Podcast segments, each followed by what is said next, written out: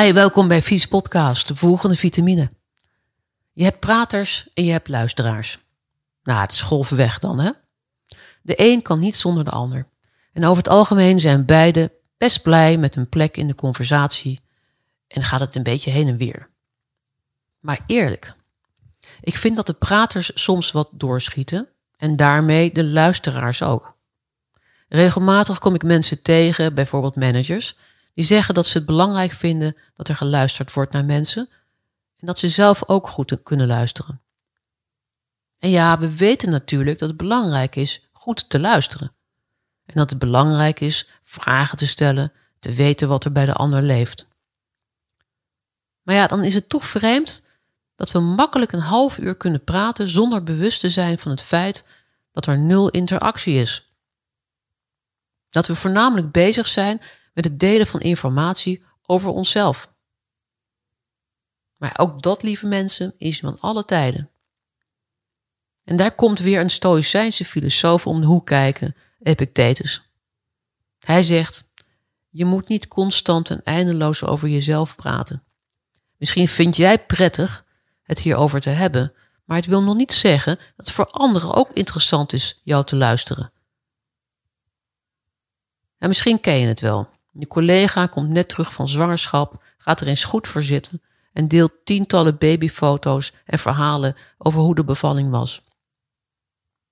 Of je manager komt net terug van een meeting, loopt naar je bureau en uit enthousiasme gaat de hele meeting met sfeer en inhoud uitgebreid met je delen terwijl je net ergens mee bezig bent.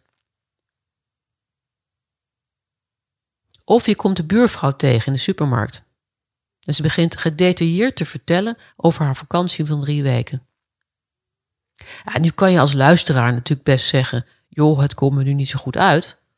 Of heel veel babyfoto's zijn niet aan mij besteed. Ik zie er liever één.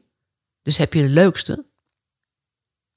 Nou, waar het nu even over gaat, is over jou als verteller.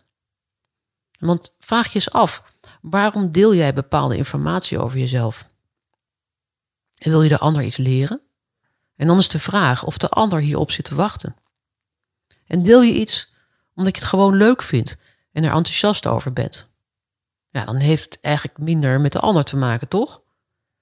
En de vraag is wat je hier uiteindelijk mee bereikt.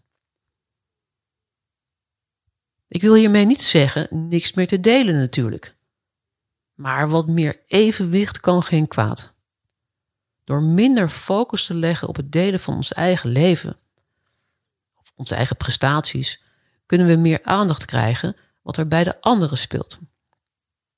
Dus ga eens bij jezelf na, op welk gebied deel ik veel van mezelf en dan kan ik deze week eens minder, minder doen. En mij richten op de ander door vragen te stellen. Is het je gewoonte bijvoorbeeld om thuis te komen en van wal te steken hoe het op je werk was? Stel deze keer eens vragen aan je partner of huisgenoten hoe hun dag was. Niet alleen om het af te vinken en vervolgens alsnog de bühne te nemen, maar oprecht.